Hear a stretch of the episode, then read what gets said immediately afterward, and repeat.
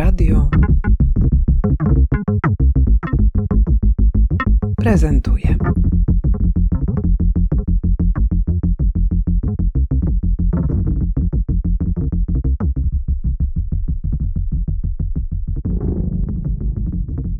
Anna Stankiewicz, fotograf. Jestem inicjatorem projektu Pracownie do Wglądu. E, siedzimy w, w, Krakowie na takim placyku przed um, krakowską ASP, stąd ten y, gwar miasta zarejestrowany, pewnie i obecny w trakcie rozmowy. A rozmawiamy o właściwie odwrotności takiej sytuacji publicznej, bo rozmawiamy o projekcie, który rejestruje klimat bardzo intymny przestrzeni, w których pracują artyści i artystki. Zdjęcia powstały w bardzo różnych pracowniach. E, są to pracownie historyczne, jak i współczesne, tymczasowe. Są to mieszkania, są pracownie miejskie, są pracownie w miejscach, e, w budynkach postindustrialnych. Więc wachlarz e, prezentujemy bardzo, wydaje mi się, szeroki. Pomysł na fotografowanie pracowni, jak on powstał? Ja sama wywodzę się z tego środowiska, bo kończyłam Akademię Sztuk Pięknych. Potem miałam takie, mm, przez parę lat nie było mnie w Krakowie, wróciłam do Krakowa. Zastanawiałam się, co tutaj robić, co pokazywać. Zawsze mnie interesowała przestrzeń, przestrzeń, jaką człowiek e, tworzy wokół siebie, co z nią robi, jak ona na niego wpływa. I tak doszłam do miejsca, że zrozumiałam, że taką przestrzenią jest pracownia. Wiemy, jak ważne to jest miejsce dla artystów, jak trudno jest je sobie stworzyć, osiągnąć y, w naszych warunkach. I zaczęłam fotografować je. A potem stwierdziłam, że oprócz zdjęć potrzebny jest koniecznie komentarz do niego i zaprosiłam Agnieszkę Jankowską-Marzec i Martynę Nowicką, które prowadzą rozmowy. E, Agnieszka Jankowska-Marzec, e, współautorka projektu Pracownie do Wglądu. Pracownie do Wglądu to baza wiedzy o pracowniach artystów i artystek, na razie krakowskich, ale z takim potencjałem, że właściwie mógłby stać się projektem o dużo szerszym zasięgu. Ale jak to się stało? Jak to się zaczęło? No, zaczęło się po prostu zwyczajnie. Y, z Anią Stankiewicz y, znam się od kilku lat. Ania y, jest absolwentką Wydziału Malarstwa SP w Krakowie, ale przede wszystkim działa jako fotografka. I zagadnęła mnie, czy nie chciałabym z nią współpracować przy takim projekcie. To znaczy ona będzie wykonywała fotografie w pracowniach krakowskich artystek i artystów, a mnie poprosiła o e, przeprowadzenie wywiadów, prowadzenie rozmów z nimi, bo doszła do wniosku, że e, dokumentacja fotograficzna, fotorelacja nie jest wystarczająca, że warto te rozmowy z twórcami wzbogacić właśnie o rozmowy. Właściwie można powiedzieć, że projekt zaczął kiełkować w 2017 roku.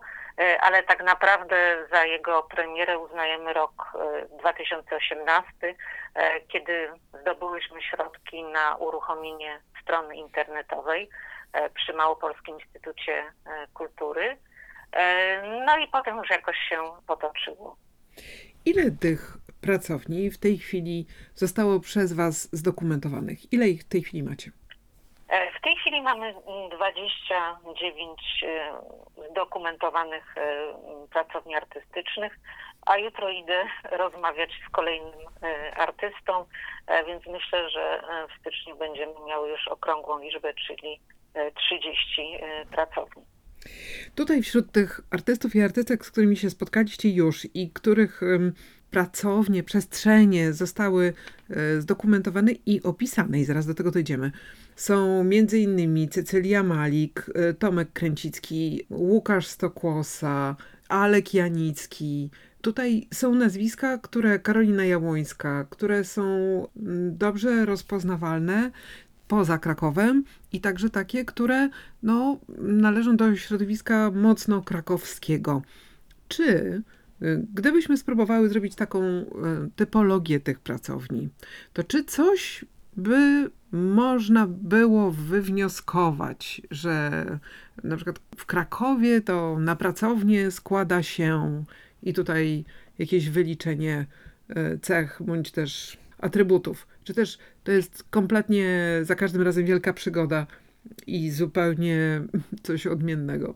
Generalnie wydaje mi się, że e, krakowskie pracownie artystyczne są bardzo podobne do tych, które znajdują się w całej Polsce. E, chociaż jest pewna ich specyfika, ponieważ Kraków jest miastem zabytkowym. Niektóre e, pracownie mieszczą się powiedzmy w zabytkowych budynkach. Nie wiem, tu mogę dać jako przykład tak zwany skład solny, miejsce, budynek pochodzący z XVIII wieku, gdzie kiedyś gromadzono sól przy Wiśle, potransportowano sól Wisłą, a obecnie tam mieści się kilkanaście pracowni e, artystycznych, e, które wkrótce już tam nie będą się znajdować, bo w składzie solnym powstanie Planeta Lem, czyli centrum poświęcone twórczości e, Stanisława Lema. Więc myślę, że być może są to miejsca po prostu mm, wyjątkowe ze względu na historię tych budynków. E, czy na przykład e, pracownia Beaty Stankiewicz mieszcząca się w kamienicy należącej do jej rodziny od 150 lat. Kamienica pochodzi z XVII wieku, e, więc mi się wydaje, że to może jest akurat taka krakowska specyfika. Natomiast wiele pracowni też mieści się w przestrzeniach postindustrialnych, także powiedzmy w budynkach z lat 60. i 70., a więc tak jak w większości miast y, polskich. To pani przeprowadza wywiady i rozmowy z, z, osobami, które w tych pracowniach działają. Jak one o tym opowiadają? To znaczy, czy łatwo jest nawiązać taką potoczystą narrację o tej przestrzeni, która służy w końcu do pracy, ale jest też bardzo wielofunkcyjna, bo ta praca jest wielowymiarowa, ona odbywa się na bardzo różnych płaszczyznach. Krótko mówiąc, o czym wy właściwie rozmawiacie? No, można powiedzieć, że e, to nawiązanie kontaktów czasami jest proste, łatwe, ponieważ znam tych ludzi. Ja pracuję na Akademii Sztuk Pięknych w Krakowie. E, niektórzy z moich rozmówców na przykład byli moimi e, studentami, więc znam ich od wielu lat, a nie, niektóre osoby są dla mnie jakby po raz pierwszy się z nimi spotykam. Czyli pewnie ci byli studenci i studentki to najpierw mają posprzątane w tej pracowni? Właśnie zawsze ich prosimy o to, żeby nie sprzątali, e, bo zależy nam na tym, żeby te pracownie pokazać nie jako takie lifestyle'owe wnętrza, to znaczy wnętrza, które w takich e, powiedzmy magazynach wnętrzarskich są pokazywane, tylko żeby one miały taki charakter naturalny, żeby wyglądały tak, jak y, po prostu mm, naprawdę wyglądają, kiedy ci artyści czy artystki tam e, pracują. Więc zawsze prosimy, żeby przypadkiem nie robili jakichś e, porządków, nie, nie przygotowywali specjalnie tych pracowni na nasze e, przyjście. Właściwie można powiedzieć, że rozmawiamy o kilku zasadniczych kwestiach. Pierwsza kwestia to jest właśnie historia ich pracowni, e, historia tego miejsca, więc jest to tak by, można powiedzieć, taka narracja o e, tych przestrzeniach e, pracownianych, o tych budynkach, o tych miejscach, o ich charakterze, jak ono wpływa na ich twórczość, jak pozwala im tworzyć takie przytulne miejsce do pracy. Więc kwestie powiedzmy tych mm, budynków, przestrzeni, pomieszczeń e, są dla nas ważne, ale także mnie i koleżance, która przeprowadza wywiady, także ze mną Martyna Nowicka, to dla nas ważne jest także, aby porozmawiać z artystami w ogóle o ich twórczości, o ich pracy, e, o ich nawykach pracownianych. Więc staramy się poruszyć jak najwięcej e, kwestii. Myślę, że tak to wygląda mhm. w największym skrócie. No tak, bo tutaj też na tych fotografiach widać, że właściwie każda z tych pracowni to jest odrębny świat. Zgadza się. To jest jakieś takie uniwersum, w którym ci ludzie dobrze się czują, czy kształtują je czasami latami, przyrastają tam gromadzone treści, a innych zupełnie jest pusto, pustawo. Znaczy zupełnie różne techniki też tworzenia takiego e, świata, w którym powstają ich prace. No i wtedy jak do tego podejść, kiedy trzeba jednak nawiązać jakąś taką rozmowę porządkującą fakty? No, mi się wydaje, że bardzo dużo też zależy od miejsca, w którym dana pracownia się znajduje. E, niektórzy moi koledzy czy koleżanki pracują w domu i mają często bardzo trudne warunki pracy. To wynika, no nie ukrywam, e, często ze względów ekonomicznych, więc na przykład proszę ich, żeby pokazali e, swoje prace. Czasami bywa tak, że wyjmują je z szafy, czy otwierają, prawda, tak pokazują niewielki, niewielką przestrzeń w domu, którą mogą poświęcić i mogą tam stworzyć jakby e, swój warsztat e, pracy i, i zaczynamy jakoś w tym e, rozmawiać. Niektórych stać na luksus, prawda, wynajęcia własnej pracowni, mają ten komfort, że nie muszą łączyć życia codziennego, życia rodzinnego z pracą twórczą. Wtedy trochę można powiedzieć, mamy takie poczucie, że zaszywamy się w jakimś takiej przestrzeni i y, prowadzimy sobie pogawędkę. Miłym zawsze akcentem jest to, że y, pijemy y, herbatę, kawę i jest taka, można powiedzieć, nawet bym powiedziała, sytuacja towarzyska. Ja staram się nigdy nie przychodzić z jakimś z góry powziętym planem, jak ta rozmowa będzie się toczyć. Czasami wystarczy, że zawieszę, mówiąc tak kolokwialnie, wzrok na jakichś przedmiotach, które w pracowni się e, znajdują, bo wielu artystów jest e, kolekcjonerami, nie tyle kolekcjonerami dzieł sztuki, ale różnych rekwizytów, e, obiektów, czasami, nie wiem, wyszperanych na targach taroci, czasami mających dla nich jakieś emocjon kiedy odczuwają, można powiedzieć, e, z nimi jakiś emocjonalny e, związek. E, więc takie spojrzenie na taki przedmiot czy obiekt jest też dobrym pretekstem do rozpoczęcia rozmowy. Najciekawsze spotkanie, które nastąpiło w takich okolicznościach właśnie pracownianych, czy może je pani przywołać? No, nie chciałabym nikogo wyróżnić. Każde spotkanie jest ciekawe.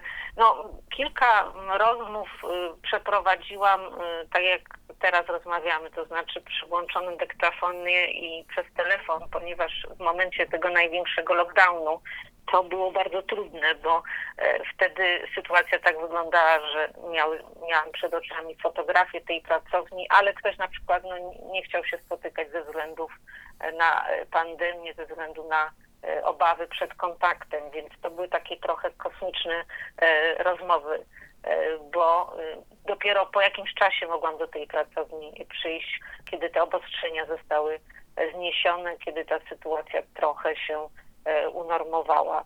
Ale właściwie mogę powiedzieć, że każde spotkanie jest wyjątkowe. Mm, artyści mm, też to jest bardzo indywidualne potrzebują trochę więcej czasu, żeby się otworzyć. Niektórzy inni z kolei e, bardzo jakby tak swobodnie się czują i mam wrażenie dobrze w moim towarzystwie, więc ta rozmowa toczy się e, bardzo jakby, nie wiem, potoczyście. Więc trudno jest mi mhm. naprawdę wyróżnić jakieś wyjątkowe spotkanie. No to e, w takim razie muszę Panią zapytać o to, na czym, na czym ta rozmowa się nie klei? Czy ona się nie klei? No, zawsze jestem, prawda, zawsze zastrzegam się, że e, ten wywiad będzie autoryzowany, więc e, jeśli ktoś e, na przykład nie chce o czymś mówić, to te kwestie pomijamy, ale generalnie no, te rozmowy też nie są aż tak bardzo intymne. One dotyczą powiedzmy działalności zawodowej, działalności artystycznej, a nie wchodzimy w jakieś, można powiedzieć, e, kwestie bardziej prywatne, czy jakichś, nie wiem, środowiskowych e, kontrowersji, bo, bo to nas jakby, no nie wiem, ani mnie, ani koleżanki, która też przeprowadza wywiady specjalnie, nie interesuje. Chciałabym zawsze, czy ja przynajmniej mogę ze swojej strony powiedzieć, stworzyć taką dobrą atmosferę, żeby po prostu nam się dobrze E, rozmawiało i także e, gdzieś pod, prawda, w podtekście jest także e, mm, to takie poczucie, że chcemy pomóc artyście, artystce jakby w promocji ich twórczości mm, w pewien sposób. Więc zależy nam, żeby ta rozmowa właśnie miała taki wiem, sympatyczny charakter. Ten nasz projekt też, czy postawiłyśmy sobie też taki cel trochę edukacyjny, E, pandemia jakby pokrzyżowała nasze plany, bo zamierzałyśmy też organizować w tych pracowniach coś w rodzaju takich krótkich spotkań, lekcji dla e, młodzieży i wszystkich zainteresowanych sztuką współczesną, e, żeby artysta miał na przykład okazję, możliwość porozmawiania z tymi gośćmi i opowiedzenia o swojej sztuce. Byłybyśmy w pewien sposób jakby e, animatorkami takiego spotkania. Generalnie myślę, że, że chodzi o to, żeby, y, żeby dokumentować, y, edukować y, i promować e, twórczość artystów i artystek, z którymi się spotykamy. Jestem ciekawa, jak planujecie ciąg dalszy? Co jeszcze tutaj nastąpi? Jakie są kolejne kroki? Udało nam się po raz pierwszy zorganizować weekend z pracowniami do wglądu e, i cieszył się, sporym zainteresowaniem mieszkańców Krakowa. I chciałybyśmy bardzo, żeby ten weekend e, z otwartymi pracowniami wszedł jakby, stał się jakby no, stałym punktem naszego e, programu, naszego projektu, ponieważ czujemy, że to jest bardzo potrzebne, że ludzie są jakby zainteresowani e, pracowniami, może nie z jakiegoś takiego wścibstwa, to nie, tylko po prostu no, e, ciekawi ich, jak wygląda kuchnia artystyczna, E, ponieważ no, interesuje ich zobaczenie tego, nie wiem, procesu m, pracy twórczej i miejsca, nie tylko rezultatu, bo rezultaty mogą zobaczyć e, w galerii czy w muzeum. Natomiast ważną kwestią jest to, że mogą zobaczyć, jak wygląda miejsce, gdzie ta sztuka powstaje, no i co najważniejsze, spotkać się z artystą, który o swojej sztuce e, opowiada. I ten weekend, myślę, był bardzo udanym wydarzeniem i bardzo chciałybyśmy go powtórzyć. E, Tak jak Pani wspomniała na, na początku, e, ten projekt ma w sobie potencjał, żeby nie ograniczał się tylko do środowiska krakowskiego. Bardzo by nam zależało, żeby także poznać twórców i pracownie. e, No najpierw może zacz- zacznie, chciałybyśmy zacząć od Śląska, bo to jest najbliżej Krakowa, ale nie wykluczamy Warszawy czy wyjazdów do innych miast, ponieważ no, ten temat my, myślę jest warty kontynuowania i warty, mm, żeby go dalej rozwijać. Mamy taką nadzieję, że uda nam się zdobyć e, środki finansowe na jego e, rozwój i wyjście poza tylko to krakowskie e, podwórko. Bardzo Paniom tego życzę. Bardzo dziękuję za rozmowę. Trzymam kciuki i wszystkich zapraszamy na stronę projektu. Przypomnijmy może adres.